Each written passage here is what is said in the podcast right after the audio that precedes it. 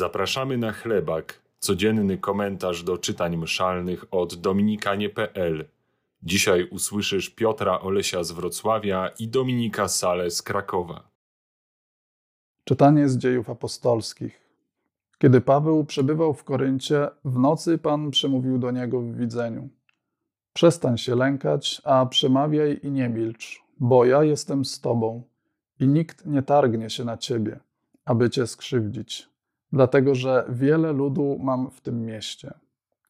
Pozostał więc i głosił im Słowo Boże przez rok i sześć miesięcy. Kiedy Gallio został prokonsulem Achai, Żydzi jednomyślnie wystąpili przeciw Pawłowi i przyprowadzili go przed sąd. Powiedzieli: Ten namawiał ludzi, aby czcili Boga niezgodnie z prawem. Gdy Paweł miał już otworzyć usta, Gallio przemówił do Żydów. Gdyby tu chodziło o jakieś przestępstwo albo zły czyn, zająłbym się wami, Żydzi, jak należy. Ale gdy spór toczy się o słowa i nazwy i o wasze prawo, rozpaczcie to sami. Ja nie chcę być sędzią w tych sprawach. I wypędził ich z sądu. A wszyscy Grecy, schwyciwszy przełożonego synagogi Sostenesa, bili go przed sądem. Lecz Galliona nic to nie obchodziło. Paweł pozostał jeszcze przez dłuższy czas, potem pożegnał się z braćmi i popłynął do Syrii, a z nim Prystylla i Akwila.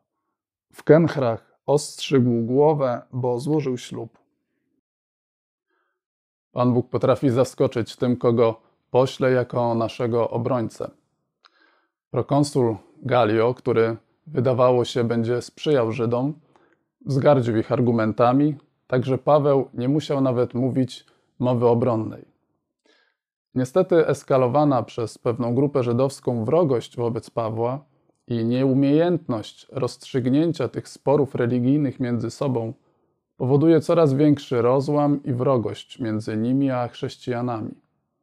Mamy zatem z jednej strony zwycięstwo w obronie, a z drugiej rodzącą się wrogość. To pokazuje, że brak dialogu, próba wciągania i manipulowania osobami trzecimi w celu rozwiązania konfliktu po swojej myśli wcale nie prowadzi do uzyskania ładu czy spokoju, ale rodzi większą wzajemną niechęć. Trzeba raczej w pokorze i prawdzie stawać wobec tego, co nas dzieli.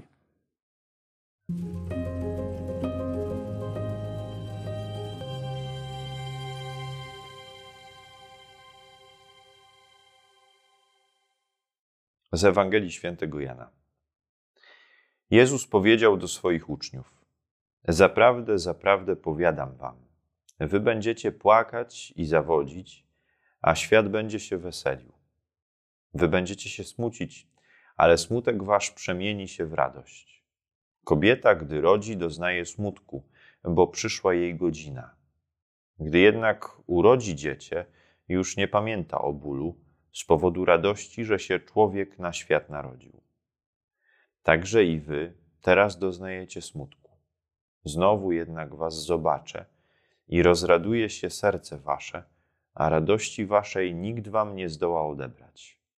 W owym zaś dniu o nic nie będziecie mnie pytać. Słyszymy dzisiaj bardzo niełatwą Ewangelię. E, zawsze wtedy, kiedy jest mowa o cierpieniu, trudno zrozumieć słowa Pana Jezusa. Trudno jest je zrozumieć, bo też trudno znaleźć sens w cierpieniu.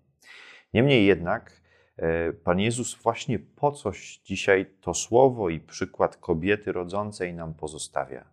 Dlatego, że z perspektywy Boga, z perspektywy doświadczenia samego Jezusa, e, każde cierpienie może być czymś życiodajnym, może być czymś, co w konsekwencji E, przyniesie radość nawet e, w tym życiu, które e, cierpienia doświadczyło.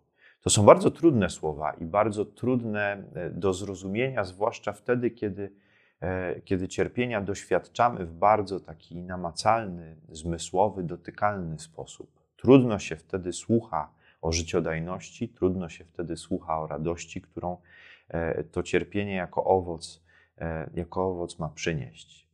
E, niemniej jednak mamy zawsze dwa wyjścia. Możemy do cierpienia, do przeżywania tego cierpienia podejść w postawie buntu, i wtedy rzeczywiście trudno jest znaleźć w nim sens.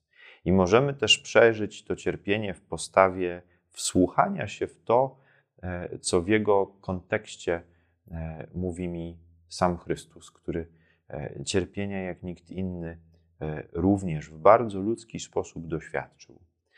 I jeśli przyjmiemy perspektywę samego Boga, jeśli przyjmiemy perspektywę Jezusa, a nie perspektywę i postawę buntu, wówczas rzeczywiście każde doświadczenie, nawet to najtrudniejsze, nawet to najbardziej przepełnione cierpieniem czy bólem, może mieć sens.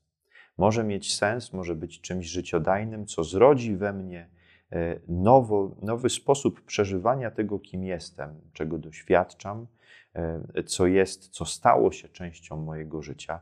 Może być wreszcie tym, co do mojego życia, chociażby było życiem udręczonym i pełnym cierpienia, e, przyniesie radość i pokój.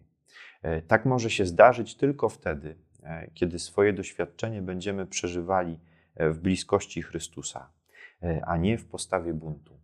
Więc może dziś warto o to poprosić, e, żeby wpatrywać się w tego, który cierpienie uczynił czymś życiodajnym i prosić o to, żeby pomógł nam również w naszym życiu tę perspektywę, to spojrzenie na nasze doświadczenie przyjąć.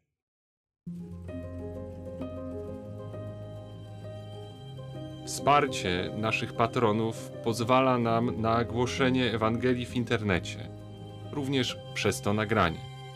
Dziękujemy.